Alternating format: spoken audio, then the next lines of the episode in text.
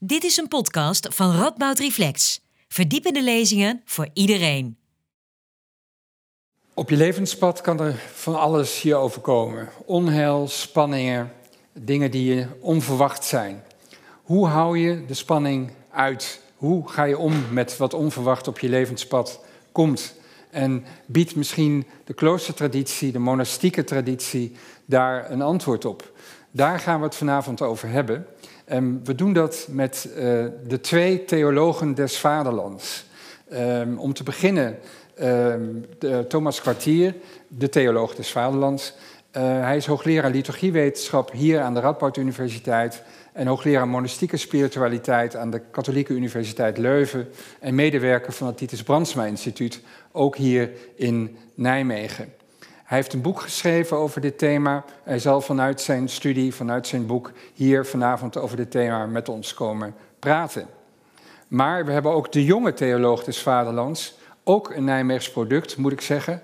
Um, Tabitha van Krimpen heeft hier bedrijfskunde en theologie gestudeerd. Uh, studeert nu aan de Protestante Theologische Universiteit in uh, Amsterdam, doet een master theologie. zij zal de aftrap verzorgen. Daarna krijgen we een lezing van uh, Thomas Kwartier. Daarna hebben we zo'n drie kwartier voor gesprek. En daarna is er tijd uh, voor jullie om vragen te stellen. Uh, daar horen een paar regels bij. Die zal ik dan te zijner tijd nog even heel kort um, toelichten. Um, mijn naam is Kees Leijnhorst, namens Radboud Reflex. Welkom bij deze avond. Fijn dat er weer publiek in de zaal is. Um, er is ook publiek thuis, welkom. Um, en uh, dat dit live uh, meekijkt. Uh, maar niet langer gedraald, het woord is aan Tabitha.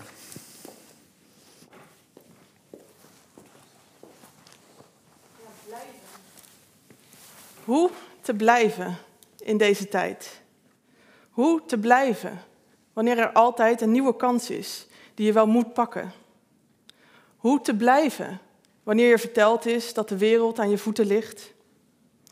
Hoe te blijven als er achter de volgende Tinder-swipe misschien wel een nog leukere match te vinden is? Hoe te blijven als de keuzes oneindig zijn? Hoe te blijven als de wereld in de fik staat? Hoe te blijven als iedereen roept dat je vooral dicht bij jezelf moet blijven, maar je eigenlijk geen idee hebt wat dat is? En hoe te blijven wanneer verandering de enige constante lijkt te zijn? En over deze vragen zat ik na te denken, zo in aanloop naar deze avond. Want blijven is denk ik belangrijk, maar zeker niet gemakkelijk. Ik moest ook denken aan de laatste keer dat ik hier zat, ook in deze collegezaal, en ijverig mee zat te schrijven tijdens een college bedrijfskunde. Want het begin van de coronacrisis was het einde van mijn tijd hier in Nijmegen, nu zo'n drie jaar geleden. En vaak heb ik gedacht daarna, was ik maar gebleven. En ook toen ik uh, een master ging doen in Amsterdam aan de Vrije Universiteit. En dat helemaal vanuit huis deed en online. Dacht ik, ja, hoe zou dat nou zijn geweest? Was ik maar gebleven. Maar tegelijkertijd moeten we ook uitkijken als we het hebben over die term blijven. Want het ligt op de loer dat je vervalt in nostalgie en gaat geloven dat vroeger alles beter was. Want daarbij vergeet ook ik gemakkelijk dat ook als ik in Nijmegen was gebleven, ik ook dan van, vanuit huis had moeten studeren. En de situatie niet veel anders was geweest dan vanuit een andere plek. En blijven kan gemakkelijk een argument worden om te blijven bij hoe het was. Om te verkrampen en vooral alleen nog maar achterom te kijken. Ik denk dat blijven belangrijk is, maar niet gemakkelijk. In onze cultuur wordt blijven onderschat in een samenleving die gelooft in onbegrensde vrijheid, in maakbaarheid en in het individuele geluk. In zo'n samenleving zit blijven niet in het vocabulaire. Ik zie veel mensen, vooral jonge mensen, die overal naartoe willen, die de wereld willen ontdekken. En die het spannend vinden, ook tegelijkertijd, om zich te committeren, om te blijven als het gaat om relaties, studie, werk en ook de kerk. Het zijn mensen die staande proberen te blijven in een tijd waarin grenzeloze aanpassing en flexibiliteit de norm zijn geworden. Constant je telefoon checken en reageren op elke melding noemen we bereikbaar blijven. Opdrachten en verzoeken direct beantwoorden of uitvoeren noemen we responsiviteit. Net gefocust zijn met het uitwerken van creatieve ideeën, maar toch tussendoor gestoord worden door die collega's die snel iets van je vraagt, noemen we korte lijntjes houden. Op deze manier zorgen we met elkaar voor een collectieve onrust, denk ik, en gejaagdheid. Zie nog maar eens te blijven wanneer het adagium is dat stilstand achteruitgang is. En om eerlijk te zijn geldt dat adagium misschien ook wel voor mijzelf. En dat terwijl dichter Bertolt Brecht gelijk heeft wanneer hij zegt: Ik sta stil. En dat is al een hele vooruitgang. En toch zijn millennials en generatie Z, mijn leeftijdsgenoten, meer dan alleen maar vluchtige mensen die van hot naar her rennen. Veel jonge mensen zoeken juist naar verbinding. Zij willen van betekenis zijn en bijvoorbeeld bijdragen aan een betere wereld, een betere aarde, die achterlaten op een goede manier.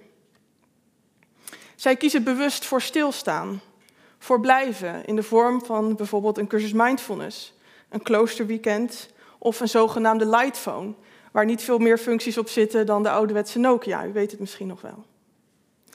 Maar het is niet altijd makkelijk om die goede voornemens vol te houden. En blijven gaat soms ook met vallen en opstaan. Blijven is dan ook een habitus, een gewoonte die geoefend moet worden.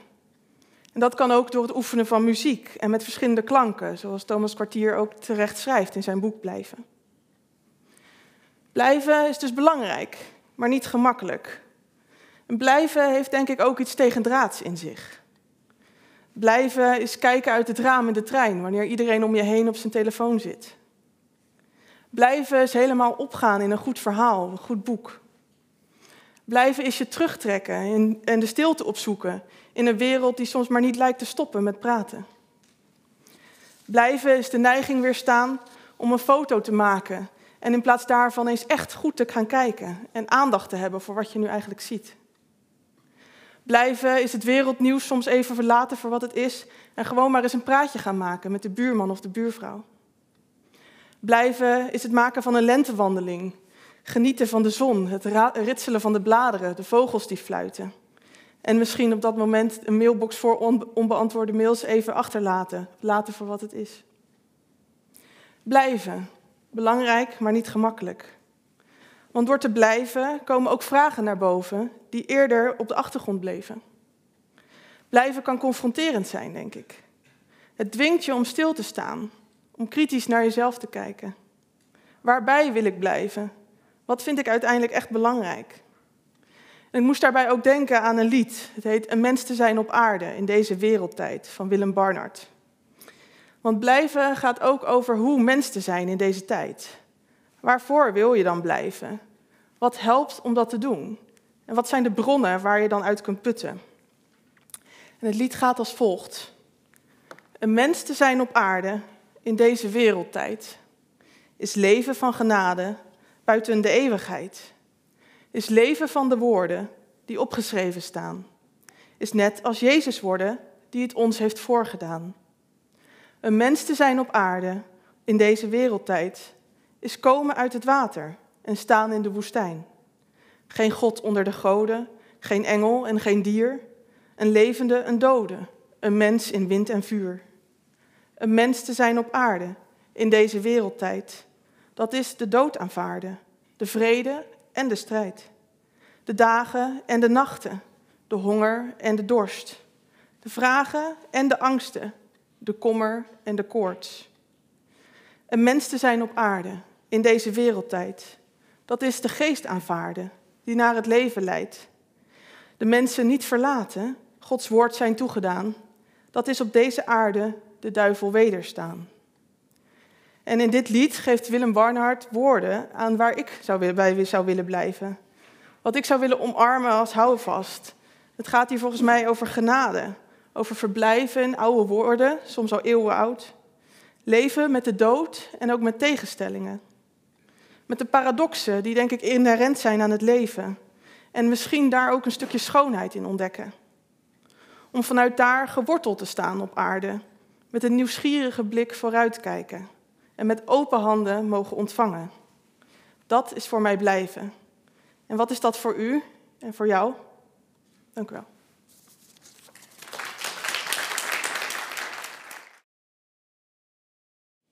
Als je dit niet weet, beste mensen, kun je maar het beste een verhaal vertellen. Want veel dingen die met paradoxen te maken hebben, zijn niet zomaar uit te leggen, maar een verhaal, een narratieve insteek, kan misschien een spiegel zijn om in te kijken. Dat heb ik dan ook maar gedaan aan het begin, toen mij de keuze tot theoloog des vaderlands overkwam eh, als de maagd het kind. Als de hemel zich dreigt te sluiten,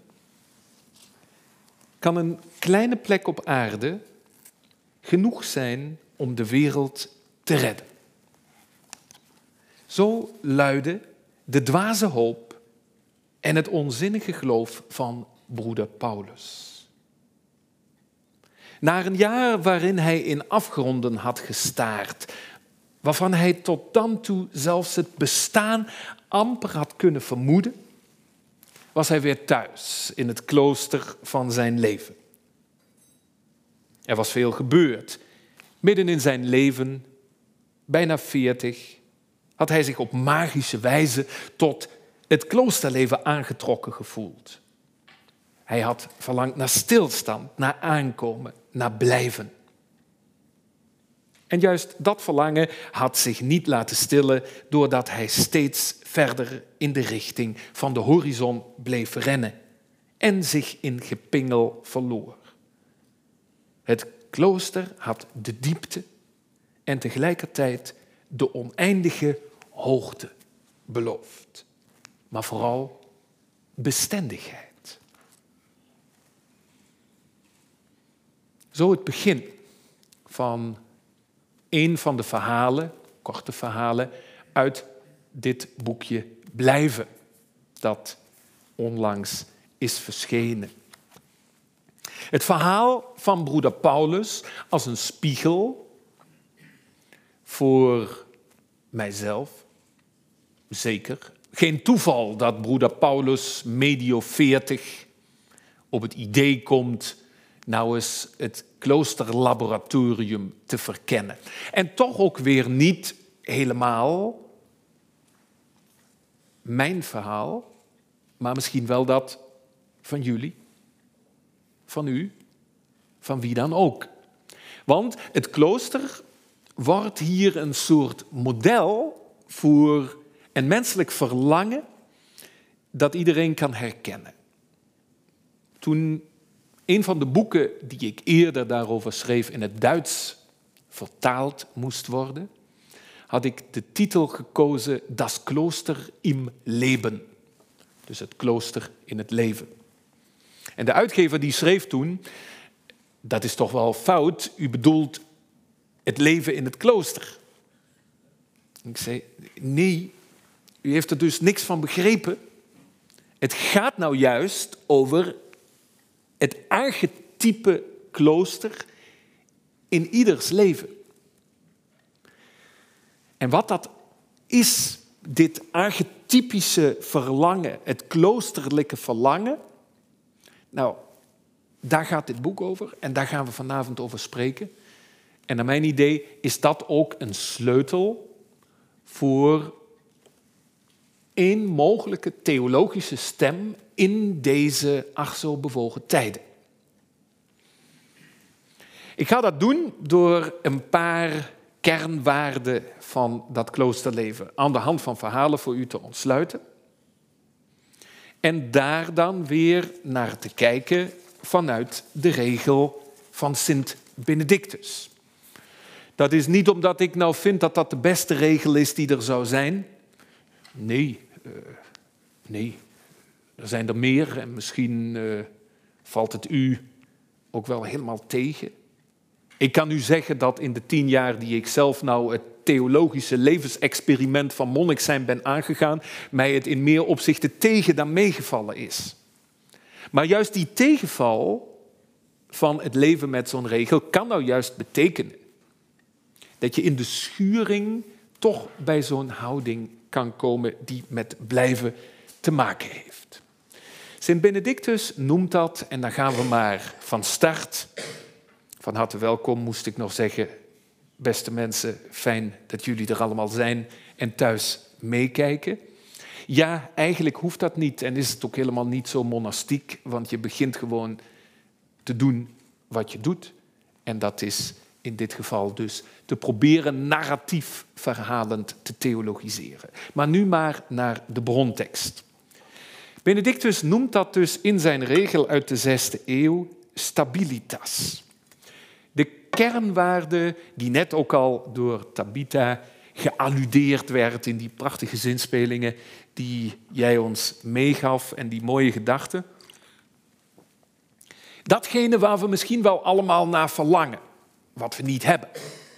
En misschien is wel juist in de vluchtigheid de diepste stabiliteit te vinden. Ik weet het allemaal niet. Maar laten we nou kijken wat nou in die brontekst te vinden is over stabiliteit. Wel, je kunt daar een lange en een korte versie bij halen. Ik zou het hier nu houden bij de korte versie. Ehm, maar we willen natuurlijk vooral ook straks met elkaar in gesprek gaan.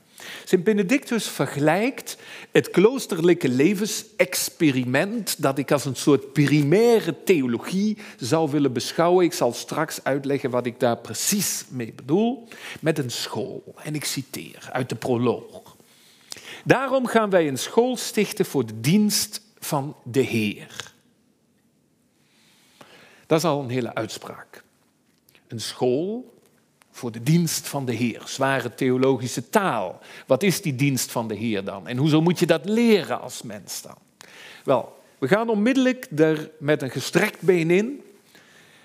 Het levensexperiment van je kloosterlijk verlangen volgen kan volgens deze tekst niet zonder een soort transcendente horizon die ermee verbonden is. Dus wie naar het klooster als een soort leefexperiment op zoek is, zonder dat er een bepaald godsbeeld bij komt kijken, wordt hier in deze passage uit de regel meteen teleurgesteld. Nee, de dienst van de Heer. Benedictus vervolgt dan door te zeggen, goh, dat kan wel tegenvallen. Er is best wat discipline nodig, er zijn strenge regels. Maar hij heeft dan een bemoedigend woord iets later. Het kan niet anders of die weg die je wilt gaan in die school is aan het begin smal.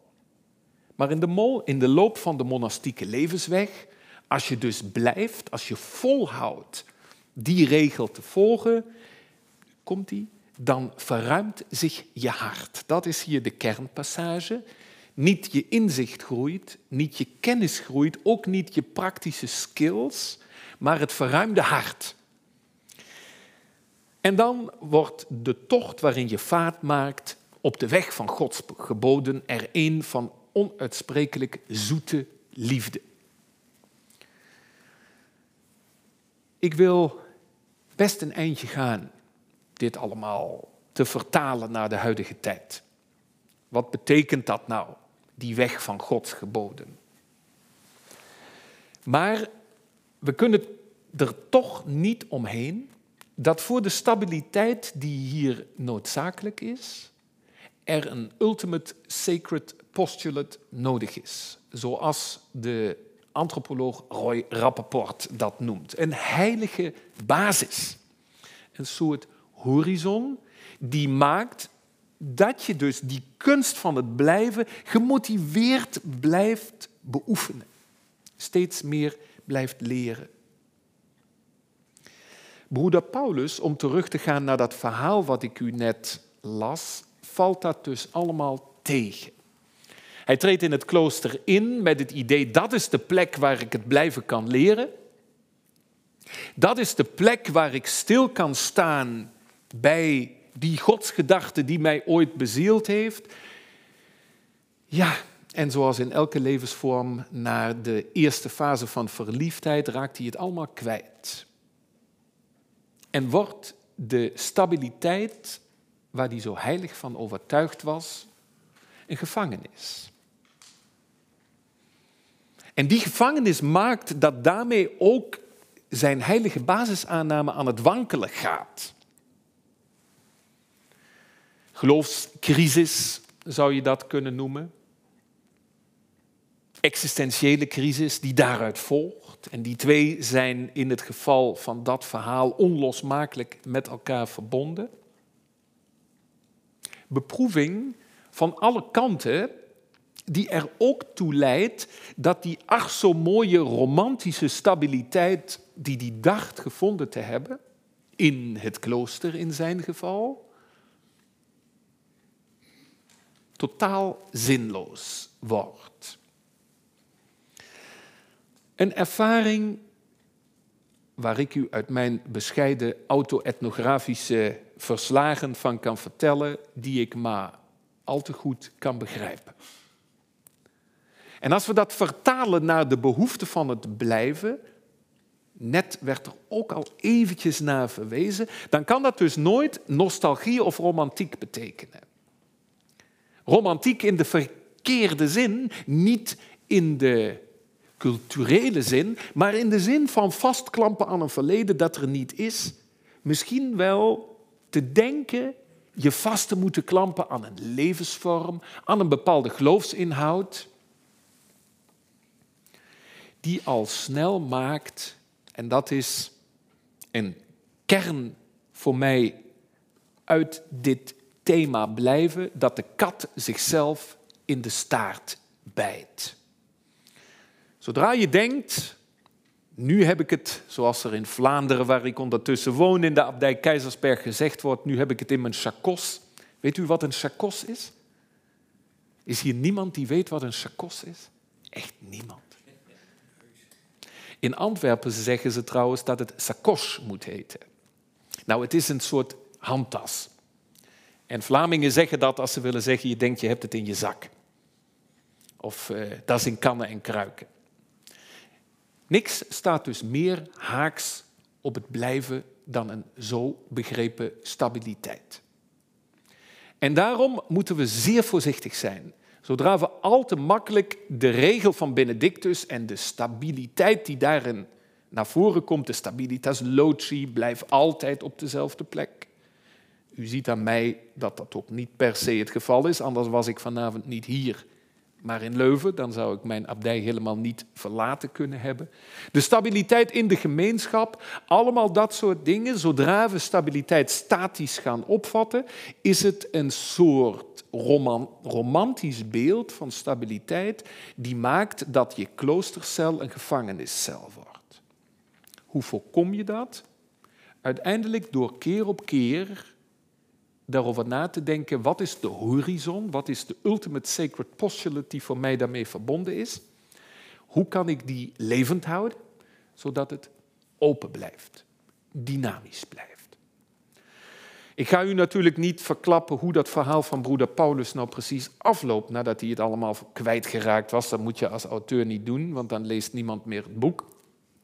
Maar eh, zoveel, uiteindelijk komt hij in een soort padsituatie terecht.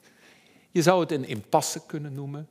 Het leidt ertoe dat het verhaal, toch maar gezegd, eindigt met één zin. Hij bleef. Er is niks heldhaftigs aan, niks moois. Hij had ook net zo goed kunnen gaan. Maar ja, hij bleef. En deze nuchtere kijk, blijven in de spanning, kan ons misschien een stukje verder leiden door deze avond. Een ander verhaal, en nu gaan we naar een tweede basiswaarde, is het verhaal van zuster Hanna. Ik ga u weer een stukje voorlezen. Zuster Hanna was door de muziek nog nooit teleurgesteld. Ze was al zolang ze zich kon heugen een zingend mens geweest. Als klein kind had ze al samen met haar moeder gezongen. Als er iets te vieren viel, zongen ze een jubellied, bij tegenspoed een troostlied. Het had haar in vele levenssituaties geholpen. Toen een van haar muziekdocenten zei: Het beste godsbewijs is dat muziek klinkt, was het alsof haar de schellen van de ogen vielen. Ze wilde zich met hart en ziel wijden aan deze magische momenten, want de muziekgod was haar welgezind. Muziek was haar leven, haar roeping, haar lotsbestemming. Ze voelde dat hierin de zin van haar leven lag. Twee keer had ze van haar passie haar beroep gemaakt. De eerste keer toen ze besloot muziek te gaan studeren. De tweede keer toen ze in het klooster trad. Een ander thema, wel voortbordurend op dat eerste. Naast dus de ruimtelijke stabiliteit is de vraag ook hoe verhoudt stabiliteit zich nou tot de kunst die wij in ons leven allemaal beoefenen. En de muziek die ik hier voor dit verhaal gekozen heb, is één voorbeeld. Wel een heel centraal voorbeeld uit het kloosterleven. Monniken zingen de hele dag. Dat is onze kernbusiness. Drieënhalf uur in de kerk, zingen van psalmen. Je denkt, nou, daar zal wel geen ijdelheid bestaan en geen competitie. Zuster Hanna had namelijk in het conservatorium gemerkt dat dat haar wereld niet was. Alsmaar doorgaan, alsmaar beter, alsmaar meer. En alsmaar zoeken dat je bij een auditie op de juiste plek komt en het wint enzovoort. Nou, u kent die verhalen allemaal, dat bestaat niet alleen in de muziek. Ze dacht op een gegeven moment, nee, dat hou ik niet vol. Ze treedt in het klooster in omdat ze ervan overtuigd is dat daar zingen iets totaal anders betekent. En dat was ook zo. Prachtig. Degenen van u die wel eens in een kloosterkerk geweest zijn, kennen die harmonische gezangen. Soms meer, soms minder harmonisch en synchroon. En eh, denken, goh, dat is nou een manier waar je daaraan ontsnapt. Nou, zuster Hanna komt erachter en ook die ervaring kan ik bevestigen dat niets minder waar is. Ook hier weer een totale deconstructie van wat zij hoopte wat een uitweg zou kunnen zijn uit haar impasse waar ze door die competitie in terecht kwam. Het koorgestoelte als slagveld, zo ervaart zuster Hanna dat. Het zingen in de monastieke hemelse sferen die van achter de schermen bekeken alles behalve harmonisch is. Als je als monastiek theoloog in veel kloosters komt, zoals dat bij mij het geval is, krijg je daar een bepaalde gevoeligheid voor. Ik hoef tegenwoordig in een kloosterkerk, beste mensen, maar twee diensten te hebben meegemaakt, naar de zang te luisteren en ik kan u precies zeggen hoe de verhoudingen in die communiteit liggen. En daar ben ik geen uitzondering in. En dat zie je van de buitenkant niet en toch, toch is het er. Betekent dat dan voor zuster Hanna dat ze van de regen in de drup is gekomen? De kat daar komt hij weer, zich opnieuw in de staat heeft gebeten. Ja, dat betekent het. Dat is haar conclusie. Moet ze dan gaan? Nee, ze besluit in, haar, in ons verhaal hier, ik hou mijn mond. Dan zing ik maar niet meer. Maar uiteindelijk blijkt ook dat weer een eenzijdige keuze te zijn. Een keuze die ze ook niet vol kan houden. En dan kom je weer op een punt waar je van zegt, klooster, lessen uit het klooster, lessen uit het klooster, lopen op een teleurstelling uit. Maar als je die beyond gaat, dan kom je misschien weer bij dat ultimate sacred postulate. Ja, en toen is ze maar door gaan zingen. Niks heldhaftigs aan, toch bevrijd op de een of andere manier. In de regel van Benedictus lezen we dat onder het kopje harmonie. Ik ga dat maar kort voor u aanstippen vanwege de tijd. Um, Benedictus die verwoordt opnieuw dat ultimate sacred postulate. Hier gaan we. Wij geloven dat God alom aanwezig is, 19e hoofdstuk. Dat is al goed nieuws. God is overal. Dus die is hier vanavond in de zaal, net zoals bij u thuis, die kijken. En die is in het klooster op de Keizersberg ook niet meer of niet minder. De godsdichtheid is overal dezelfde, wat het dan ook mogen zijn, maar daar hebben we het dus nog over. Maar je kunt er wel wat aan doen, niet God dichterbij te halen. Nee, maar dichter bij je ultimate sacred postulate te komen. Benedictus zegt hier, maar dit geloof wordt wel helemaal een zekerheid, toe maar, wanneer wij aan het goddelijk officie deelnemen. Dus dat hele zingen draait er dus om, dat is dat goddelijke officie, zo noem je dat in het klooster, dat draait er dus om dat je geloven een zekerheid wordt. Nou, als goed postmodern mens die ik ben, ben je mij dan al kwijt. Uh, ik vind de term geloven al moeilijk. Degenen die mij op uh, een beetje volgen in de media, die weten dat. Uh, ik schrijf daar veel over. Maar weten vind ik al helemaal moeilijk. Dus ik weet eigenlijk niet waar het hier over gaat. Tenzij we dus zeggen, nou, misschien wordt wel je frustratie een motor. Misschien wordt je, wordt je onzekerheid wel vertrouwen. Misschien wordt je angst wel hoop. En zo weet ik misschien nog wel tien van die dingen. Nou, al dat bewerkstellig je dus door te zingen. Het hele circus wat het klooster is, draait om niks anders dan die beweging te maken. Van angst naar vertrouwen, van onzekerheid naar hoop. En Benedictus kon dat in zijn tijd kennelijk nog van geloof naar weten noemen. Misschien kunt u het ook. Dan ben ik daar jaloers op. Of nee, eerlijk gezegd, niet ben ik daar niet jaloers op. Maar daar hebben we het straks dan in het gesprek over. Hoe moet je dat dan doen? Volgens die passage, zegt Benedictus later in dat hoofdstuk, laten we dus nagaan hoe we ons moeten gedragen voor het aanschijn van de Godheid en zijn engelen. Nu komt hij.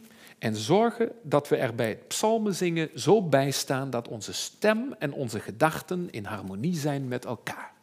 Stem en gedachten in harmonie met elkaar. Dat is in het Latijn voor de liefhebbers vox en mens, M-E-N-S. Dus niet het Nederlandse mens. Lichaam, je stem is het meest lichamelijke wat wij hebben, wat je ook niet kunt verstoppen, niet kunt verbergen.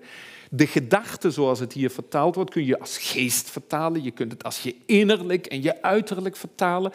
Dat in balans brengen met elkaar, dat is een kwestie van permanente oefening. En dat kan niet anders wederom opnieuw dan tegenvallen. Door die tegenval heen te blijven is aan zich geen ideaal. Kan een slaafse vorm van discipline zijn. Je komt er alleen maar als je het radicaal open opvat. Ultimate sacred postulate. Vraagteken. Een derde voorbeeld. Ik kom nu bij mijn uh, moeilijkste stukje van de lezing. Dat is namelijk uh, broeder David. Ja, niet dat die nou zo moeilijk is, maar uh, het is de moeilijkste basiswaarde. Na die stabilitas en die harmonie die we nu hadden. klein stukje. Broeder David wenste nooit iemand kwaad toe en voelde zich nergens te goed voor. Hij wilde graag aardig gevonden worden. Als kind was hij ieders lieveling maar zichzelf bijzonder vinden was wel het laatste waar hij aan dacht. Er was ook niemand die dat tegen hem had kunnen zeggen. Zijn vriendelijkheid werd alom gewaardeerd. Hij groette alle mensen op straat van verre. Hij werd verlegen als mensen hem prezen en glimlachte dan bescheiden. Het was precies wat zijn moeder hem altijd had voorgehouden. Eigenroem stinkt. En je moet altijd vriendelijk zijn. Je toont je verbaasd als iemand je prestatie bijzonder vindt en laat niet zien dat de aanwezigheid van de ander je niet zint. Wees onopvallend en wees er voor anderen in het middelpunt staan is onbehoorlijk. En dat wordt broeder Davids tweede natuur. Wel, dat verhaal gaat door. Ik ben zelf in een klein dorp opgegroeid, beste mensen. Die autobiografische noot zijn mij toegestaan.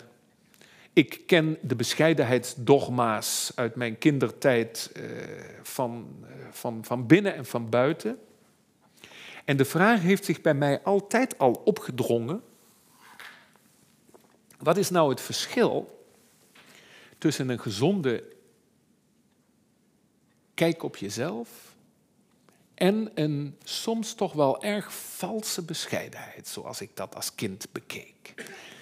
En heel veel van de christelijke spiritualiteit wordt naar mijn idee ook volkomen terecht verweten dat het mensen klein hield. Dat je dus maar vooral niks aan jezelf toe mocht schrijven. Want onder het mom van de nederigheid moest het allemaal alleen maar God in de schoenen worden geschoven. Ook het goede wat je hebt gedaan. Nee, het slechte, dat kwam wel op je eigen kerfstok. Nou, de ouderen onder jullie thuis of hier kennen die verhalen. Uit het klooster ken ik ze maar al te goed. En de nederigheid is dan ook de kernwaarde waar ik het allermeeste moeite mee heb.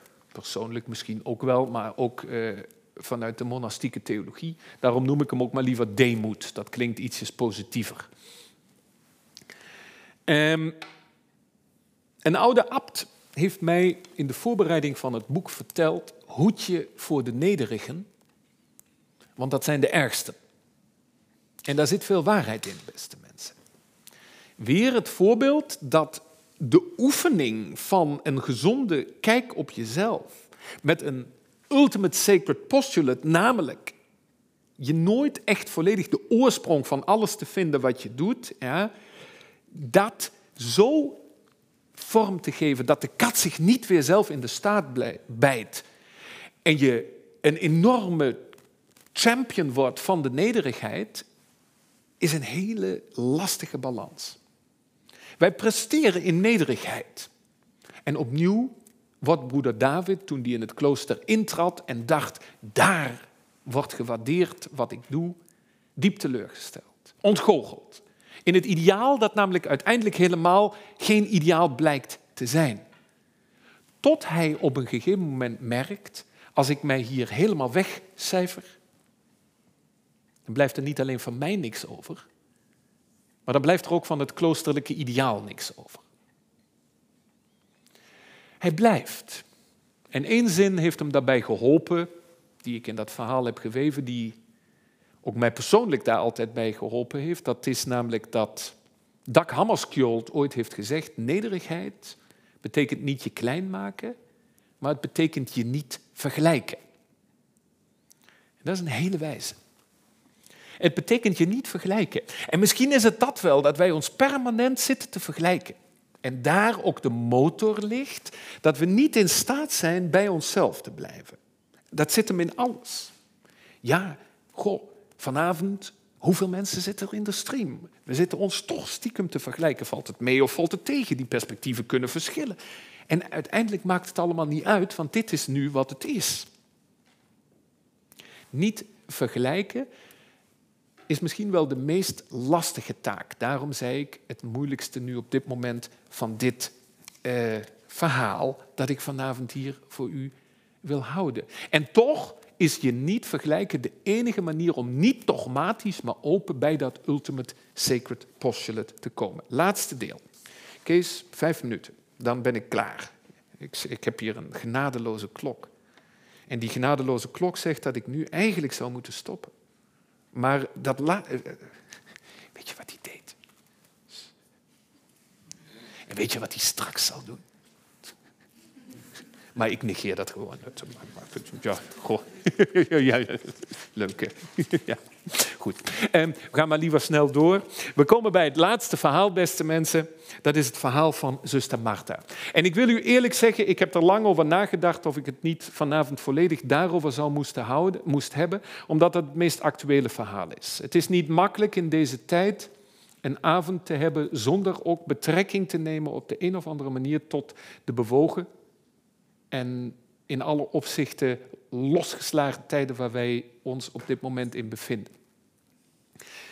We hebben afgesproken, we maken er geen politieke avond van, dat is ook helemaal niet de bedoeling. En toch vind ik het belangrijk daar iets over te zeggen. Omdat ik heel vaak zelf als monastiek theoloog de vraag krijg, straks in het gesprek gaan we het daar ook nog over hebben, ja, dat is wel mooi als je wat verwoordt, maar als je je dan terugtrekt in je klooster, nou, eh, wie heeft daar nou wat aan? En ehm, dat is de oude tegenstelling tussen actie en contemplatie die daar aan de grondslag ligt. Daar gaat dit verhaal over. Ehm, en de laatste kernwaarde die ik met u wil bespreken. Hier komt hij. Toen mensen weer protesteerden voor de vrede, ontwaakte ook het strijdershart van zuster Martha uit een jarenlange sluimertoestand. Duizenden gingen de straat op. Ze deden wat zuster Martha zelf nooit goed had gedurfd, maar misschien wel heel graag had gedaan, waartoe ze zich eigenlijk zelfs verplicht had gevoeld. Ze engageerden zich als zusters en broeders voor hun eigen toekomst en die van hun medemensen en hadden er maling aan als anderen hen uitlachten of minder zuivere motieven toedichten. Zuster Martha merkte dat ze er in haar afzondering in het klooster onrustig van werd en ze werd laaiend. Toen ze haar medezusters geringschattend over de idealisten en vredeschoppers hoorde praten. De vraag hoe idealisme, waar nota bene toch altijd juist kloosterlijke levensexperimenten voor hebben gestaan, zich kan verhouden tot noodlottige situaties, tot tragische situaties, tot dilemma's waar je uiteindelijk niet uitkomt. Baat het iemand als je vanuit een contemplatieve teruggetrokken kern waar er openheid is voor de ultimate sacred postulate, en laat ik maar paard en ruiter noemen, van de andere wang, van geweldloosheid. Baat dat nou iemand, ja of nee? Ook dat een vraag waar je uiteindelijk niet uitkomt, beste mensen. Niemand komt daaruit. Uiteindelijk gaat het in het verhaal van zuster Martha zo dat ze zichzelf maand tot bescheidenheid, geen uitspraken te doen voor iemand anders dan wat zij zelf is, en in haar eigen leefsituatie te beginnen haar engagement te leven. Wat betekent dat nou in deze dagen? In je eigen situatie je engagement leven. Wat betekent het nou dat naar buiten te dragen en dat te verwoorden? In eerste instantie vind ik dat je uit een idealistisch leven, wat het monnikenleven moet zijn, je niet onmiddellijk het recht moet laten ontnemen dat idealisme te uiten.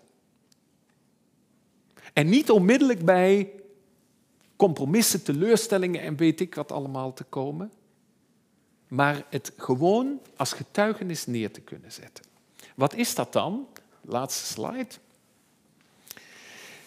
Dat is de goede wedijver. En ik ga u ook hiervan een kort stukje uit de regel van Benedictus voorlezen. Is heel kort. De goede wedijver beoefende monniken met vurige liefde. Interessant, hè? Na al die teleurstellingen, wat ik u zei. Vurige liefde. Amore staat er. Liefde.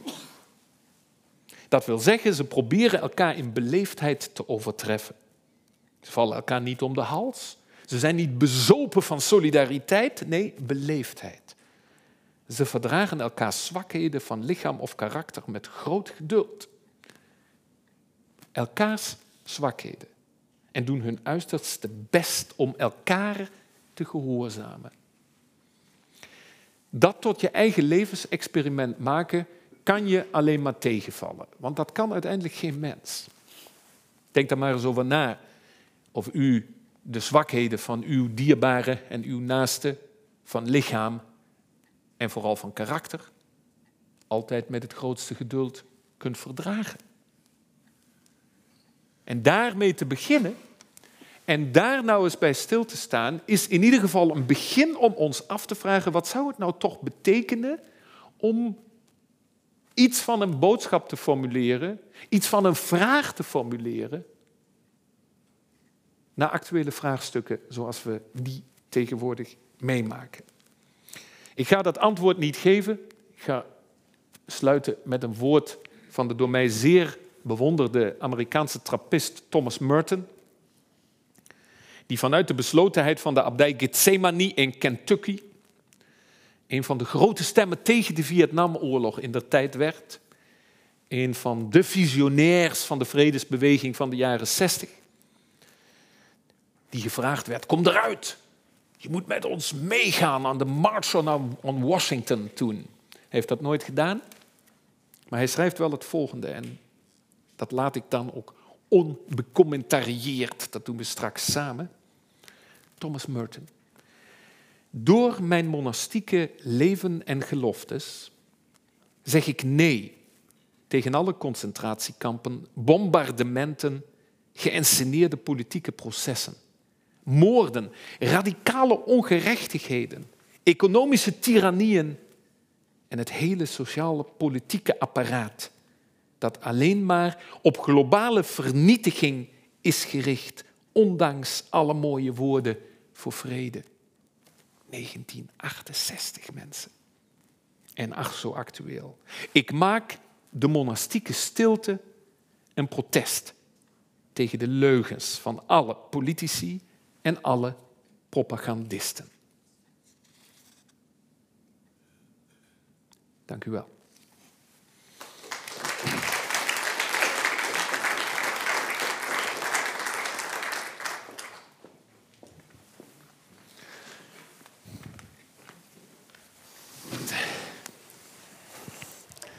Ja, dank jullie wel. Uh, ik voel me in uh, eminent gezelschap met uh, de twee theologen des Vaderlands. Uh, er, is, ehm, er is veel gezegd waar ook veel weer over te zeggen is.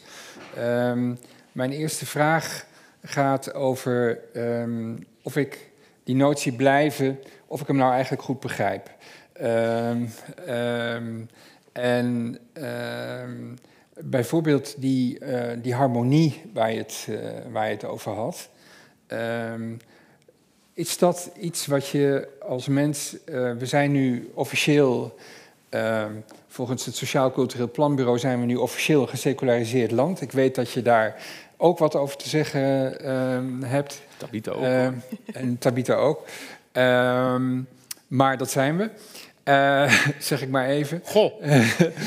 uh, Goh. En hoe kunnen we zo'n notie uh, als seculiere mensen, en dat wil zeggen dan zonder die, um, die ultimate postulate, waar je het... waar ultimate je het sacred postulate. Sacred postulate ook nog eens een keer. Ja, um, hoe kunnen we als mensen zo'n notie, je hebt het over lessen uit het, uit het klooster, hoe kunnen we die lessen eigenlijk trekken?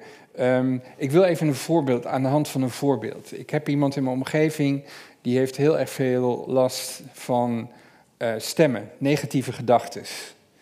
Um, en um, uh, die, die voortdurend kritiek hebben, commentaar leveren. Dat is heel invaliderend, heel verlammend. wat moet je, moet, je daarbij, moet je daarbij blijven? Wat is blijven in zo'n geval? Um, hoe, hoe, hoe, hoe, hoe doe je dat? Heb je daar een, een antwoord op?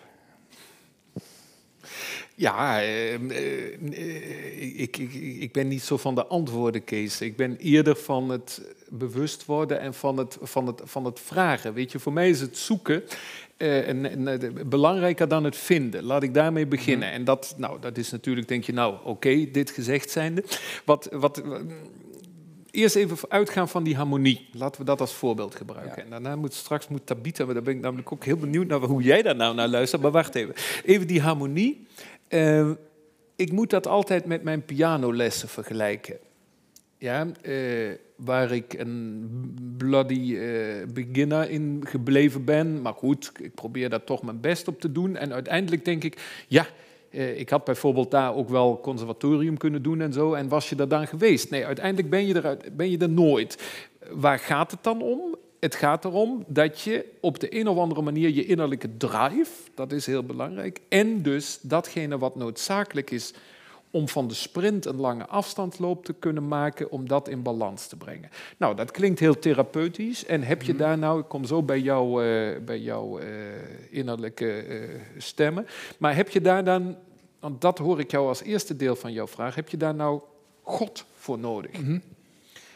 um, nou, laat ik dat toch maar eventjes volhouden. Ik denk dat je er in ieder geval in die zin gebaat bij kunt zijn. Mm -hmm bij het woord God. Daarom noem ik het ook een ultimate sacred postulate.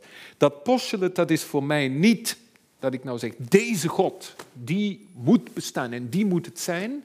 Voor mij is dat postulate dat je er dus nooit zult zijn. En de radicale openheid van datgene wat je als mens niet kunt bereiken, heb ik ook wel eens in een boek gezegd, dat noem ik God. Ik noemde dat toen het open einde van mijn verlangen. Nou, en daar kun je je in oefenen om dat beter aan te voelen, om het te kunnen hebben, om ermee te kunnen leven. Wat nou als je dus kennelijk op de een of andere manier, en dat kan door alle mogelijke invloeden van binnen en van mhm. buiten, niet in balans bent? Um, dan zou ik vanuit dit idee postulerend zeggen, ja, in eerste instantie toch te proberen niet iets weg te krijgen op een al dan niet therapeutische manier, maar een, een soort balans daarin te vinden. Laat ik je, laat ik je dat iets anders noemen. Ik heb een vriend die was uh, uh, en is misschien wel uh, hyperactief. Nou, als je dat probeert, dat is heel lang geprobeerd bij mensen, dan te zeggen, joh, dat moet dan maar op alle mhm. mogelijke manieren. Nou, uiteindelijk heeft dat in zijn leven nooit goed gedaan. Uiteindelijk kwam het er toch op neer dat hij die hyperactiviteit op de een of andere manier moest omhelzen. En moest proberen het een plek in zijn leven te geven. En daar kom je niet uit. Niet bij innerlijke stemmen. Zeker niet bij mensen die last van hebben van... van ja, ik heb ook goede vrienden die last hebben van psychoses, mhm. bijvoorbeeld. Nou, ontzettend ingewikkeld en moeilijk. En, en vroeger werd dat dan genoemd, ja, het, dan moet je je demonen maar omhelzen. Mhm. Nou, of zo'n woord als demon nou iemand helpt, dat weet ik niet. Maar de uiteindelijke, misschien wel machteloosheid ten opzichte van dat is naar mijn idee ook precies weer die goddelijke openheid. En ja, ik ben geen therapeut, maar wel de enige manier om het een plek te geven. Dus ik zou toch vol willen houden dat open einde heb je nodig. En dat noem ik God. Noem jij dat ook zo? Hoe zit het met jouw Ultimate Sacred Postulate? Ja, ik, ik vind het een lastige kwestie, ook zeker om zo te generaliseren. En ik wil echt wel recht doen aan, aan de situatie van mensen. En mhm. Dat is zeker niet iets lichtzinnigs. Uh, ik moet ook denken aan een interessant programma, uh, eh, 100 dagen in je hoofd, wat uh, recent bij de NPO te zien was. Waarin ook die psychiatrische instellingen ehm, bekeken werden en hoe het daar aan toe gaat. En dan zie je ook dat dit soort mensen vaak heel erg creatief zijn. Dat die een hele rijke fantasie- en belevingswereld hebben. En soms ook religieuze beelden. Of denken dat zij een soort messias op aarde zijn. Of heel sterke overtuiging hebben. En ik denk dat het ook belangrijk is om nabij zulke mensen te blijven en te luisteren naar hun en hun serieus te nemen uh, in wat zij zien of, of het streven naar een bepaalde wereld of denken dat zij moeten verlossen. Nou, wat zit daar dan, wat zit daarachter? Zij streven ook naar, naar een betere wereld en hebben daar zo hun ideeën bij. Um, en heel vaak is het medische systeem, naar mijn idee, erop gericht om dat te onderdrukken, om, om dat uh, te medicaliseren. En ja, zonder echt daarover een gesprek aan te gaan. Nou, we hebben zoveel doses van dit en dan heeft u daar geen last meer van. -hmm. Um, en ik zie het ook van de taak, als taak van de theoloog of de geestelijk verzorger of uh, in die hoek, om daarnaar te luisteren, om, om de mens te zien die daar nog steeds is.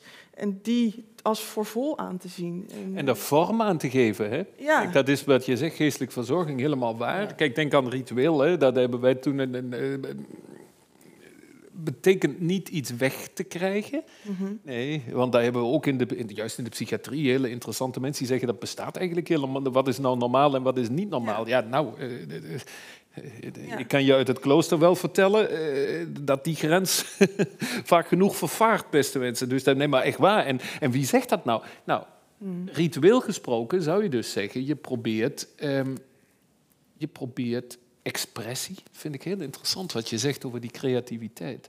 Zeker, expressie te vinden. En, en daar hoef je natuurlijk het wiel ook weer niet uit te vinden. Dat vind ik ook wel de kracht van zoiets als religieuze, spirituele tradities. Dat je daar repertoires op kent, mhm. woorden kent, maar nog belangrijker misschien wel symbolen en handelingswijzen. Ook daarbij blijven. Ja, ja, ja. ja. Dan de, de ja, je, je, werpt, uh, je, je werpt zelf in, in je lezing de, de vraag uh, op um, die ik nu ga stellen, die jij niet beantwoordde, maar met Thomas Merton toch een hele bepaalde richting gaf, zeg maar. Um, naar wat we doen met het blijven bij, uh, we noemen even man en paard, het uh, Rusland-Oekraïne-verhaal. Uh, de oorlog, hè, dus de speciale militaire operatie, zoals Poetin hem noemt in, in de Oekraïne.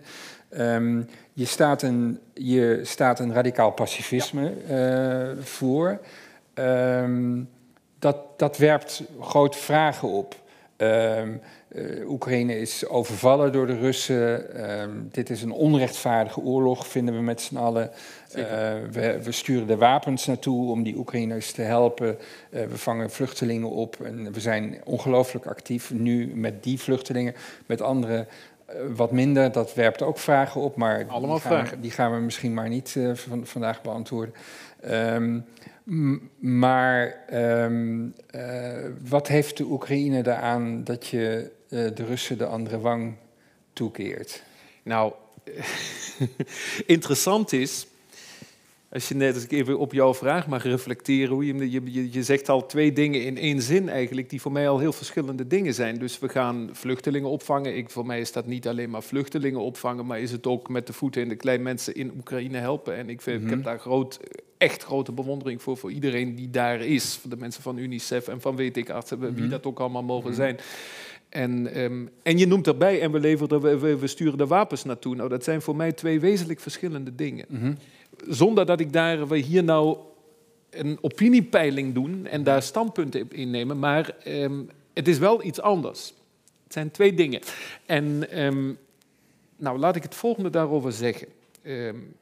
ik heb ook in krantenartikelen ook op de televisie, waar sommigen van jullie misschien wel gezien hebben, met geen woord gezegd, en wil dat ook niet zeggen, dat ik een mening zou kunnen hebben over wat iemand in Oekraïne zou moeten doen en hoe die daarin zou moeten staan. Dat zou ik mij ook niet mogen aanmatigen. Mm -hmm.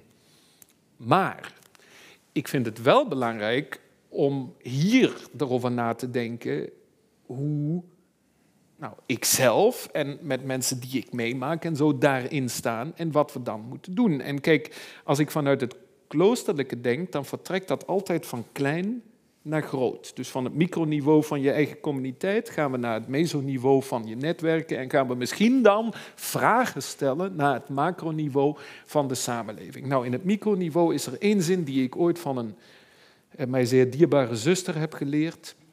Ook als je het wat dingen wat minder makkelijk zijn en zo. Zij gaf mij één goede tip. Ze zegt, na 40 jaar kloosterleven, één ding kan, heb ik geleerd, doe nooit hetzelfde terug. Wat ze ook doen, hoe je ook behandeld wordt.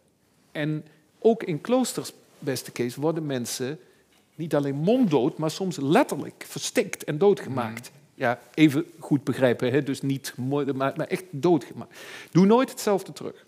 Nou, ik sprak onlangs met haar, ze had mij op televisie daarover gezien en ze zegt, nou, ik heb daar heel veel over nagedacht, maar eigenlijk, eigenlijk zeg je eigenlijk niks anders dan dat en je zegt ook niet dat mensen iets moeten, je probeert alleen dat ideaal te verwoorden, wat uit die microcosmos komt.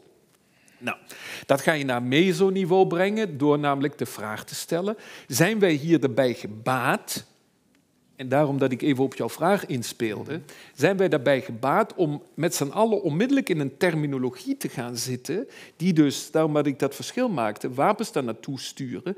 Ik zeg helemaal niet of ik daarvoor of daar tegen ben. Dat zou een politiek statement zijn. Dat ga ik hier vanavond niet maken. Dat vind ik mijn taak ook niet als theoloog.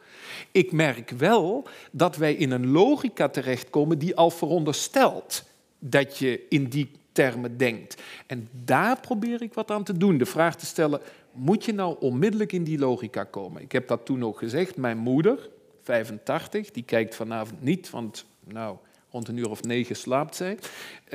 Dat, maar die, die mij vertelde, in Duitsland, beste mensen, die tegen mij zei, toen er ineens de Duitse bondskanselier verscheen als een soort veldheer waarin staat 100 miljard naar het leger, Zeitenwende. -hmm. nou, mijn moeder kreeg het er Spaans benauwd van. Die zegt, we hebben toch nu niet 70 jaar lang alles eraan gedaan. Nou, en dat neem ik ter kennis. En denk, ja, dat moet je in ieder geval kunnen laten klinken. En het ideaal dan van daaruit te verwoorden, wat bij mij ook uit, een, uit dat open einde, dus dat basisvertrouwen komt, vind ik dat dat een taak van een theoloog is.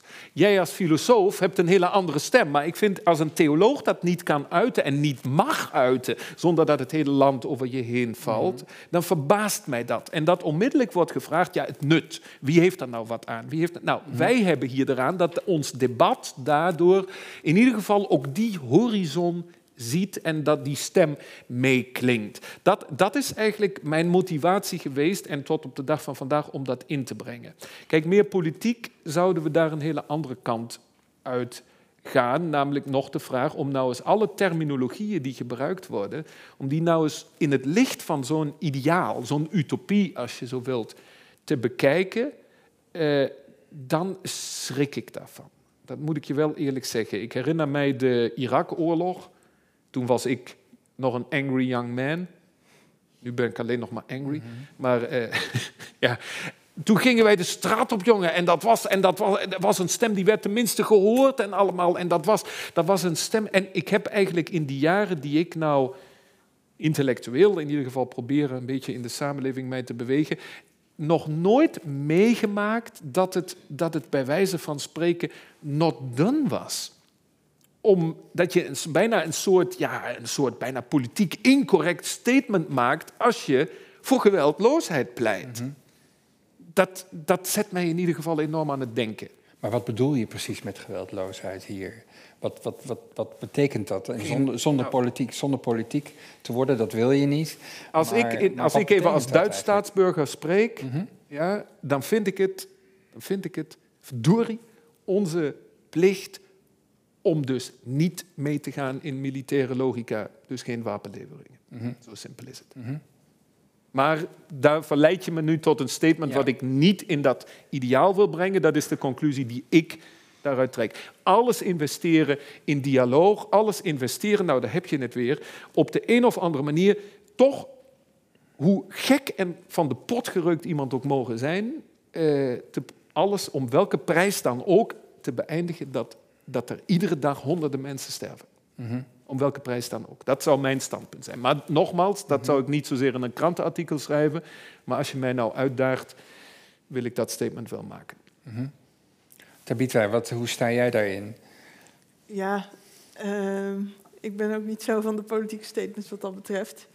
Ehm, Nee, maar we, hebben hier, hè, dus jullie proberen allebei, uh, jullie zijn allebei theoloog des vaderlands. Je probeert een theologische stem in het maatschappelijke debat in te brengen. Nou, het debat wat we nu hebben gaat, is dit. Hè? En welke plek, welke plek wil je daar in, in, waar wil je staan daar als theoloog? ja, dat vind ik lastig. Ik, ik ben, staan, ben dan ook eerder van choose your battles. En dit is mi- misschien minder mijn eh, battle eh, wat dat betreft. Mhm. Dat Dus snap ik. ben ik blij dat Thomas Ja, ja, ja. eh, wel Nou, en ik kan je ook wel zeggen dat... dat de- ja, het klinkt nu een beetje... Je denkt, ja, klink ik een beetje seniorachtig of zo. Kijk, laten we zeggen, als mensen nou over mij boos worden...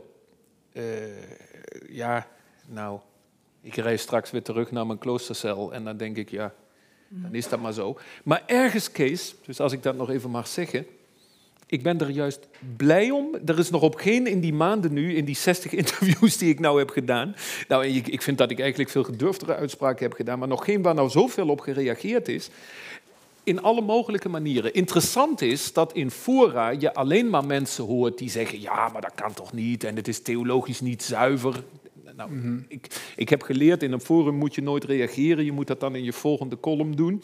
Heb ik ook gedaan. Dan denk ik, nou ja, die theologische zuiverheid die dan bedoeld wordt, die hoef ik niet. Eh, dan weet, dat zijn dan kennelijk wel mensen die het wel heel goed weten wat theologisch zuiver is. En, dat- maar goed, ik krijg ontzettend veel mails, lieve mensen. Dat is echt heel veel van mensen die zeggen... Nou, we vroegen ons al af, bestaat zo'n stem als wat wij geërfd hebben van Mahatma Gandhi en van Martin Luther King en al dat bestaat die kennelijk nu op dit moment niet? Die zeggen, godzijdank dat je daar eh, op dit moment dat toch doet. Die mensen zetten dat niet in een forum. En dat zegt ook wel iets over de tijdgeest, dat dus idealisme te uiten op dit moment dus op de een of andere manier kennelijk door mensen moeilijk gevonden wordt. Ik ben daar op dit moment heel veel over aan het nadenken, maar uiteindelijk ben ik er blij om dat het reacties losmaakt. Ja, dat, dat- kijk, als je een utopie alleen maar als een vroom praatje zegt en mensen niet reageren. Ik krijg veel doopsgezinden. De Vredeskerk, beste mensen, die schrijven mij en zeggen: Verdorie, het is toch wel gek dat een katholieke monnik nou eigenlijk dit statement maakt wat wij eigenlijk zouden moeten maken. Maar wij zijn enorm aan het worstelen. Nou weet ik ook, maar als je dat dan los kan maken met een theologische stem, ja, dan vind ik dat, dan, heeft, dan zijn we al een stapje, een mini-stapje, mini-stapje, maar toch wel verder. Ja. Dat, dat is wat ik hoop. Oké, dan eh, Nou ja, dit daarover, inderdaad. Daar kunnen we de hele avond nog over doorgaan. laten we, dat, dit stukje eventjes afsluiten. Ja. Tabitha, ehm, je ziet dus niet een taak voor je weggelegd om, om, om je met dit debat te, te bemoeien. Ehm, hoe kijk jij, je representeert de jongere generatie, je wilt ook met jongeren spreken, over jongeren spreken. Ehm, als je zo'n verhaal hoort, zo'n verhaal uit het klooster eh, met de regel van Benedictus, wat hebben jongeren nu, eh, wat hebben die daaraan? Wat kan het voor ze betekenen? Ja, heel veel, denk ik. Eh, omarm wat op je pad komt, is, is de titel. En dat is wel een uitdaging in deze tijd, denk ik. Eh, er komt, ja, mijn, mijn generatie, mijn leeftijdsgenoten, zoveel op je pad... dat je eigenlijk niet meer weet wat je allemaal wel niet moet omarmen. Of wat nu, eh, zoals ik in de inleiding ook zei, de juiste keuze dan is. En daar treedt een soort verlamming op, is wat ik zie. Eh, omdat die keuzes uiteindelijk zo overweldigend zijn... dat, ja, dat mensen niet meer weten wat ze moeten doen. En ook misschien zich terugtrekken. En ja, dat, d- daar, dat levert heel veel stress op. En Mhm. burn-outs misschien ook wel.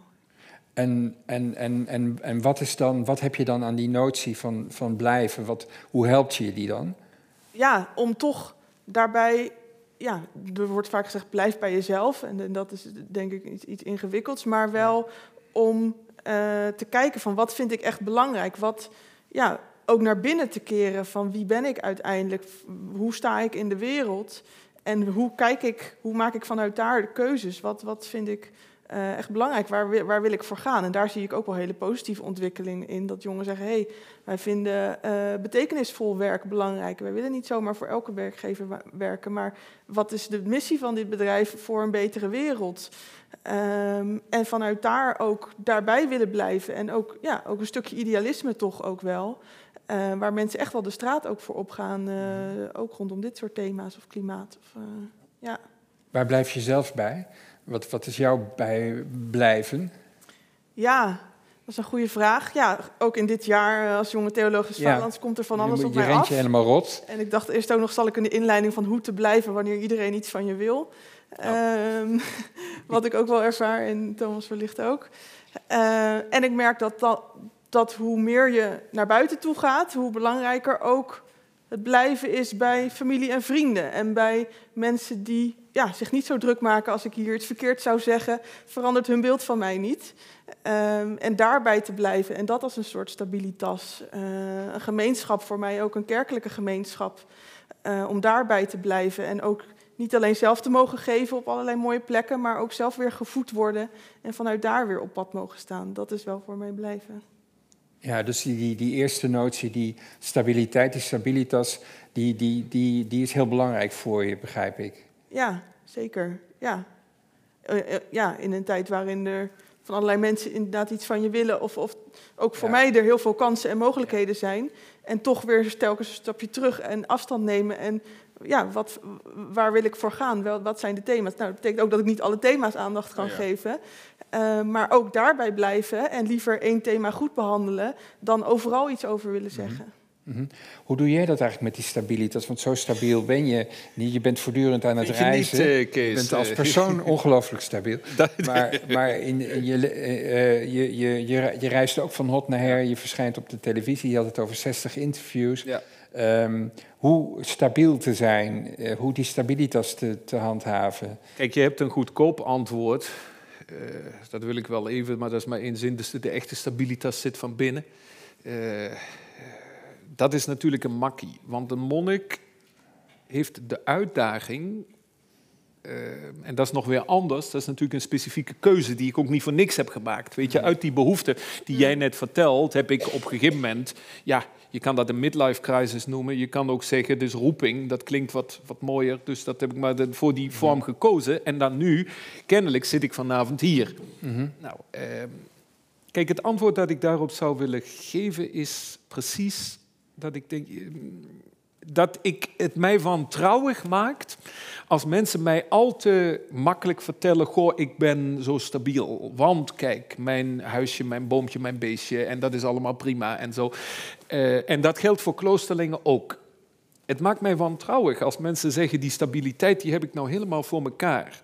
Dan bijt de kat dus zich weer in de staart. En, en ik probeer daar voor mij in mijn klooster, dat is de luxe die ik heb, dat ik een mooie abdij in Leuven met de Keizersberg heb, een gigantisch gebouw waar je elkaar ook een beetje uit de weg kan gaan, wat ook wel prettig is in een communiteit, maar dat even terzijde, Ehm, dat ik daar toch altijd wel weer kan komen en die er is. Dit jaar, ehm, dit jaar moet ik zeggen, dat wil ik ook wel in alle openheid zeggen, moeten we daar water bij de wijn doen. Ehm, daar ben ik dus als zodanig ook niet blij mee. Kijk, ik doe dat graag. Ik vind die dingen mooi om te doen. Ik vind ze ook belangrijk om te doen voor ons als kloostergemeenschap. Niet zozeer voor de samenleving, daar moet je heel bescheiden in zijn. Maar voor ons is dat belangrijk. Maar toen ik benoemd werd door die jury, ja, joh, ik werd gewoon gebeld. En ik dacht, Wilfred Kemp, en ik van de KRO, van eh, NCRW, sommigen van jullie zullen die kennen, tv-presentator. Die belt mij alleen als hij een programma wil doen. En ik dacht, oh ja, oké. eh, en hij zegt, ja, ken jij Theoloog des Vaderlands? En, en ik denk, ja, ja, ik denk, die wil mij voor de jury strikken. Als hoogleraar word je, en ik zat al een excuus te verzinnen. En hij zegt, je bent het. De jury is al klaar. Dus ik, daar solliciteer je niet naar of zo. En wij hebben toen echt serieus getwijfeld, moeten we dit doen? Nou, mijn gemeenschap, met mij samen natuurlijk, met mij als lid, we hebben zijn tot de conclusie gekomen dit te doen. Ehm, omdat we dachten, dat dachten mijn medebroeders, je bent stabiel genoeg, nu ook hier in de Leuvense gemeenschap, om dat een jaar lang zo aan te kunnen. En tot nog toe voelt dat ook heel natuurlijk. eh, en ben ik daar ook blij mee. Interessant genoeg bemoeit zich sindsdien ook iedereen met mijn roeping. Dus mensen zijn nog nooit zo bezorgd geweest in publieke reacties over of ik wel genoeg tijd voor mezelf en weet ik denk, joh, mensen, laat dat nou aan ons over, want ook daarin heb je je privacy, weet je. Ik vraag jou ook niet of je vanavond niet bij je kinderen zou moeten zijn. Bij wijze van, het gaat mij ook niet aan, weet je. En, en, en, en het, het, het is dus, soms kun je fases hebben, dat wil ik daarmee zeggen, waar je net iets meer eh, over een bepaalde grens heen moet gaan. Of in ieder geval tegen een grens aan moet zitten. En dan heb je een correctief nodig. En dat hoor ik jou eigenlijk ook zeggen. Nou, dat is voor mij ook niet alleen mijn klooster, maar dat is ook een netwerk wat ik voor de rest om mij heen heb. Eh, en als het maar op den duur in balans blijft, weet je. En dat is het grote risico. Op een gegeven moment kan blijven namelijk ook betekenen om te gaan. Eh, om iets los te laten. Eh, nou, ik kan je wel zeggen, die hoeveelheid in dit ga ik einde van dit jaar graag weer loslaten. En dat moet dan ook, misschien wel met een huilend oog ook wel ergens, omdat ik het ook leuk vind. Maar blijven kan dus ook loslaten betekenen. Het is uiteindelijk vind ik daarom die balans, die harmonie het allerbelangrijkste. Zoiets. Mag ik nog misschien Ja. een punt inbrengen? Want Thomas, ik vond het heel interessant wat je zei ook over nederigheid. En dat je, daar, dat, je dat zo, eh, ja, dat ook schuurt bij jou. Ja. Ehm, en ik denk dat ik daar toch eh, van mening eh, van verschil bij jou. Omdat voor mij ook, en we hadden het daar in het voorgesprek ook over, van wat is nou die, ja, die boodschap, of wat is nu evangelie, of, of eh, wat heeft het christelijke traditie nog te brengen in deze tijd? En voor mij zit dat misschien juist wel in dat nederigheid, in een tijd waarin die zelfverheffing, stond ook in het citaat, waarin zelfverheffing eigenlijk de norm is geworden en iedereen maar zijn beste zelf lijkt neer te zetten, ehm, daagt de christelijke traditie mij, wat mij betreft, uit om juist naar de, de zwakken te kijken, de gemarginaliseerden, de mensen die ja, eigenlijk geen stem hebben of eh, niet, niet zo snel eh, naar hen gekeken wordt. Ehm, en dat is wat mij betreft ook dat radicale. Dus dat nederige, dat daagt ook telkens weer uit. Eh, en, en op een goede manier wat mij betreft. Ja, I couldn't agree more natuurlijk. Het zijn twee interessante dingen die het bij mij oproept wat je zegt, Tabita. Het ene is dat mij hier ook ja, spannend toch wel een generatieverschil. Ja, ik schrik er bijna van dat ik dat zeg. Maar omdat ik zelf denk, ja, ik voel me eigenlijk nog helemaal niet zo oud. Maar ik, ik, ben, ik kom dus uit een dorpse context. Hè, en ik ben dus heel erg opgegroeid in die valse bescheidenheid. Het allemaal maar klein, klein. En je mocht vooral helemaal niks. En ik Ja. ben zo niet... en, en dat is ook misschien wel inderdaad, een, het zou een interessant onderzoek zijn daarnaar te kijken. Maar de vraag die ik dus ook nog zou willen stellen aan jou dan weer. Kijk, natuurlijk, maar die, die, die, die- dat oog voor de, degene die, die, die onrecht zijn. Die, ehm, nou, laat ik, het, laat ik het zo zeggen. Daar kom ik met dat je niet vergelijken. En de ander ook niet met jou vergelijken. Ook degene die voor gek verklaard is, die dat misschien wel helemaal niet is, niet vergelijken. Daar bedoelen wij misschien wel het, hetzelfde mee. Maar als je Benedictus leest, dan betekent het zelfs dat je geen eigen wil mag hebben. En dat je eigenlijk alles op moet geven. En dat je vooral niet moet denken en, en alleen maar. Een, en, en dat kan ook een destructieve kant hebben. Ja. En, en ik denk dus de idealisten van, van, van UNICEF, die nu de kinderen daar weggaan. Nou ja, luister, als je dat niet ook met een gezond zelfbewustzijn doet, dan trek je dat niet. Maar ik snap Maar dat jouw komt wel vanuit een dienende gedachte Ja. voort, volgens mij. En dat is alleen maar... Ja, ja, ja, ja zeker. Ja, eh, eh, ja. Ja. Interessant hoor. Ik vind het een heel interessant punt. Dankjewel. We gaan naar, eh, naar jullie. Ehm, je kunt een eh, vraag stellen. Eh, de regels zijn Oh, eh, heel eenvoudig. Eh, steek je hand op. Als het goed is, komt er een microfoon naar je toe. Daar is hij. Ehm, een vraag bestaat uit één à twee zinnen, gevolgd door een vraagteken. Ehm, dat je het maar weet. Ehm, en ik zou zeggen, dat gezegd hebbende, wie heeft er een vraag voor onze theologen des vaderlands? Anders heb ik er nog wel genoeg hoor. Ja, hier. hier voorin.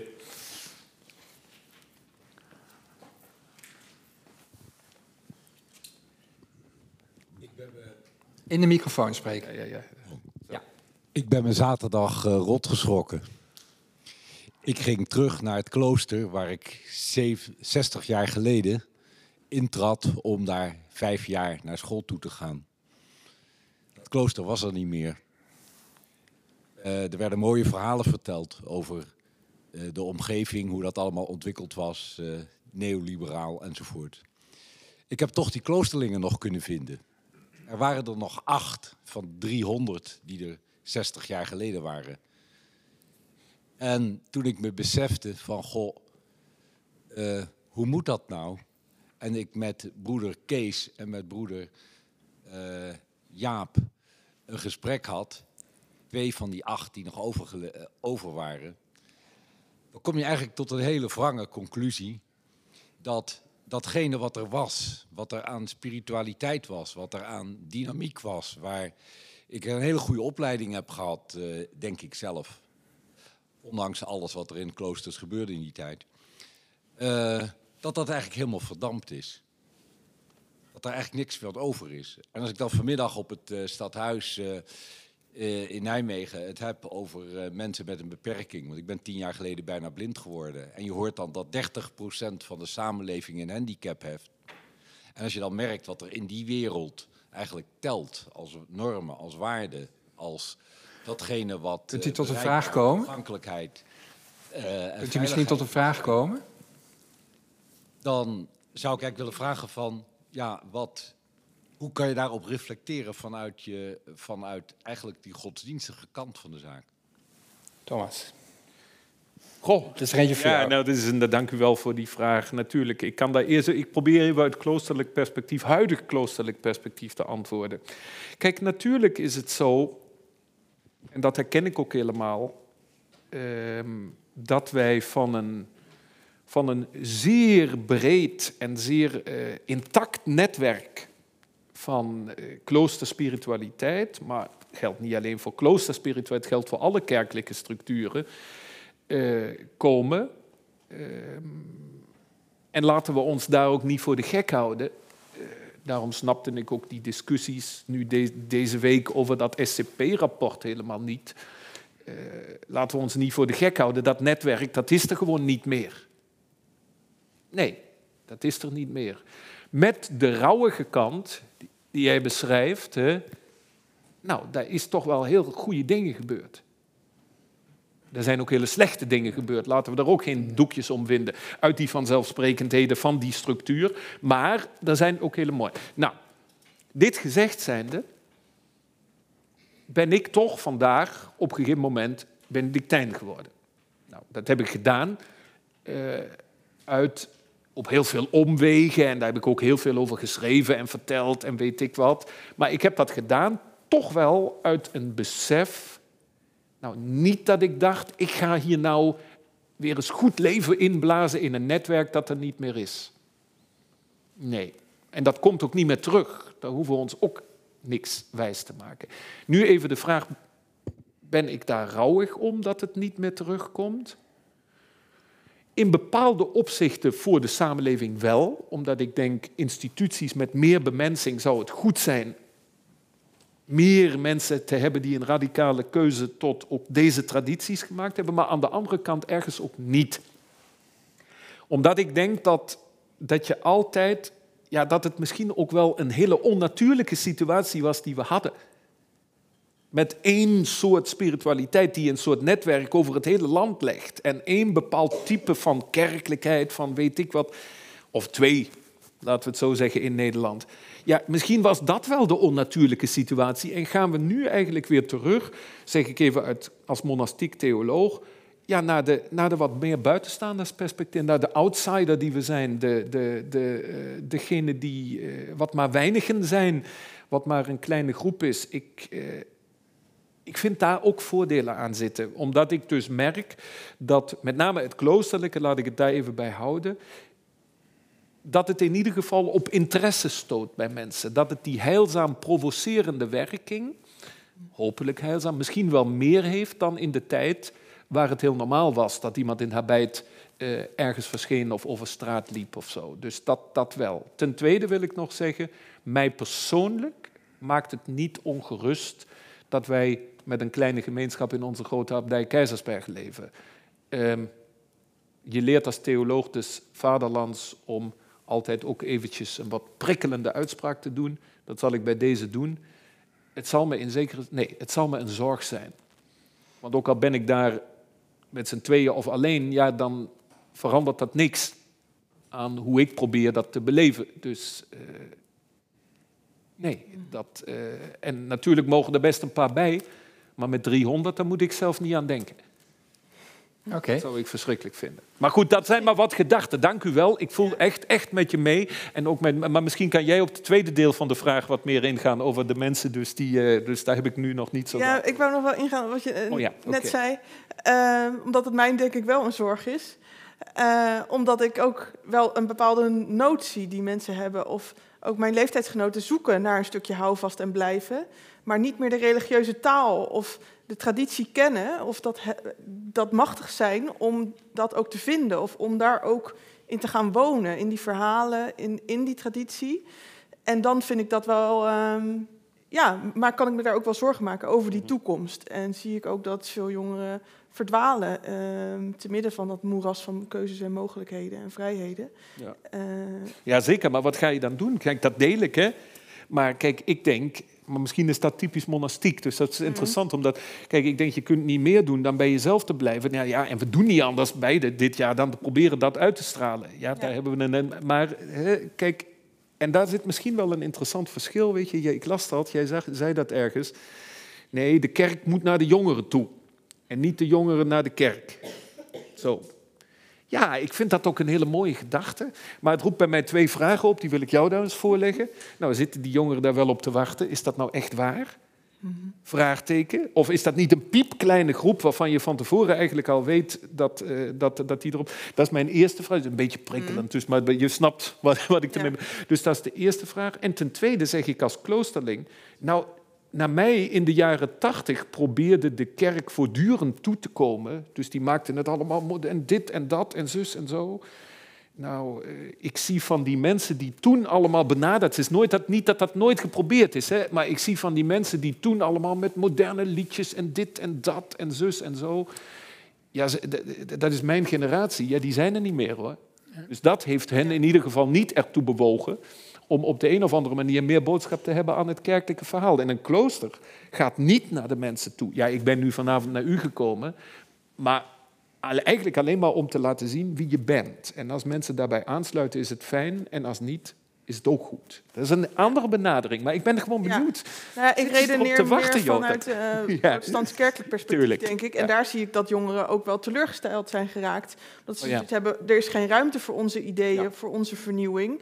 Ehm, en dan ja, verbitterd ook eh, afscheid nemen. Ja. Eh, en daarvan zou ik willen zeggen, jong, zet ook als, als instituut, Tuurlijk. als kerk, een stap naar de jonge mensen toe. Laat weten dat je hen serieus neemt. Ja. Ga ook met, met de tijd mee, ook eh, in hoe je jezelf presenteert. Of, of eh, een website met verouderde informatie. Ja, Ja, ja, ja. ja. dat werkt gewoon niet meer. Dus ja, misschien een wat meer pragmatische kijk.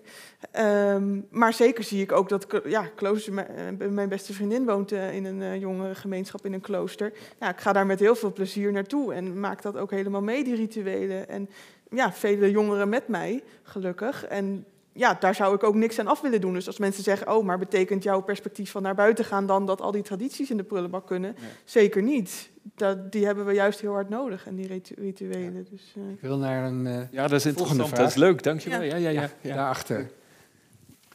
Oh, je moet eh, hard rennen.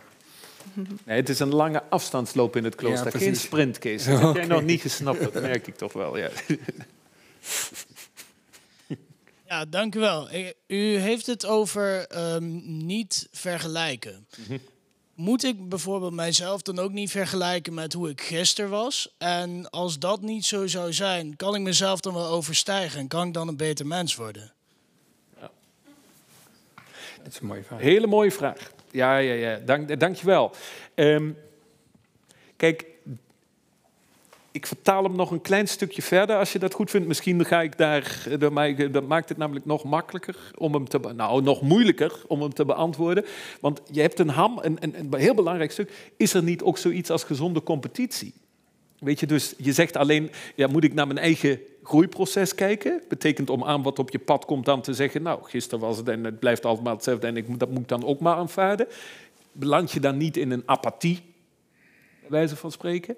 En kan daar niet, dat voeg ik er dan even aan toe, juist ook een, een gezonde ja, wedstrijd met de ander ehm, iets aan toevoegen? Ik denk dat je daar helemaal gelijk in hebt dat dat natuurlijk wel moet. Dat de transformatie die, die je kan doorlopen in jezelf, in je eigen balans, in je eigen harmonie, dat die natuurlijk ook groei veronderstelt en dat die natuurlijk ook motivatie nodig heeft. Ik denk dat de apathie, dan kom ik weer even terug naar die oude kloostervormen, weet je, waar het min of meer, je, je kon heel makkelijk wegsuffen in zo'n nederige levensvorm. En ik ken ook heel wat mensen wat, die, daar, die daar 50 jaar doorgebracht hebben, 60, 70 jaar soms. Ja, die zeggen, nou, we zijn op een gegeven moment in slaap gevallen. Of we zijn, en, en, en, en, en dat is natuurlijk absoluut niet wat het moet zijn. Het vergelijken waar Dag Hammarskjold het over heeft, is naar mijn idee, zou hij zeggen, ik probeer even in zijn, met dat citaat in zijn, probeer je te vergelijken wel degelijk met jezelf. Probeer je ook te vergelijken met processen van anderen, maar doe dat niet op een beoordelende wijze. Dat denk ik dat het belangrijkste is. Op een veroordelende wijze misschien nog. Jezelf of de ander. Kijk, dan kom je in een ander soort competitie terecht. Dat, dat zou je in ieder geval heel vaak daarin... Maar het is hetzelfde als, als wat ik over die bescheidenheid zei. Natuurlijk is bescheidenheid een deugd. En natuurlijk is dienstbaarheid een deugd. Maar een doorgeslagen dienstbaarheid wordt juist weer een ondeugd. En dan daar heb je weer die kat die zich in de staart bijt.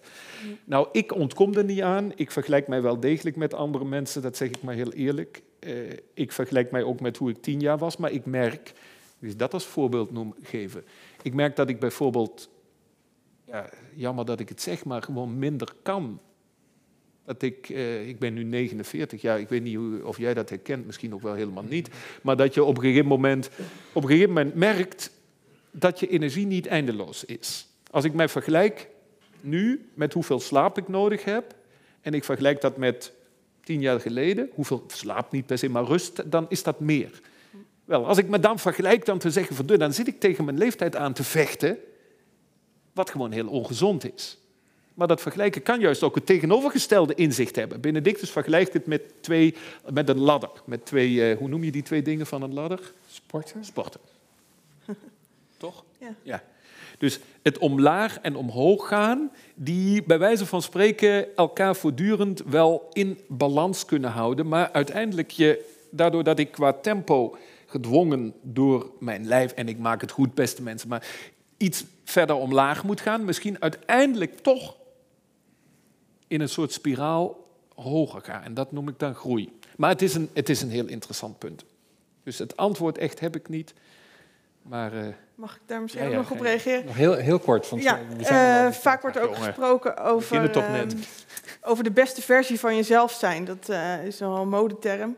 En ik ben daar altijd een beetje kritisch op. Eh, Pas een paar maanden geleden was ik hier nog voor een, een cursus die ik gaf, studentenwelzijn. En toen zei, vroeg ik iemand van, joh, wanneer is jouw studiejaar nou geslaagd? Toen zei de jongen, nou, als ik alles eruit heb gehaald wat, ik in, wat erin zit.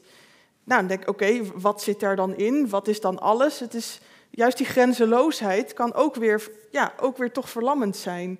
Eh, en dan schiet het denk ik door. Dus ja, helemaal eens met persoonlijke ontwikkeling en groei en daarna streven. Maar ook tot een gezonde grens, eh, zou ik willen zeggen. Oké, met die wijze woorden moeten we stoppen. Ehm, allereerst eh, de sprekers zeer hartelijk bedanken.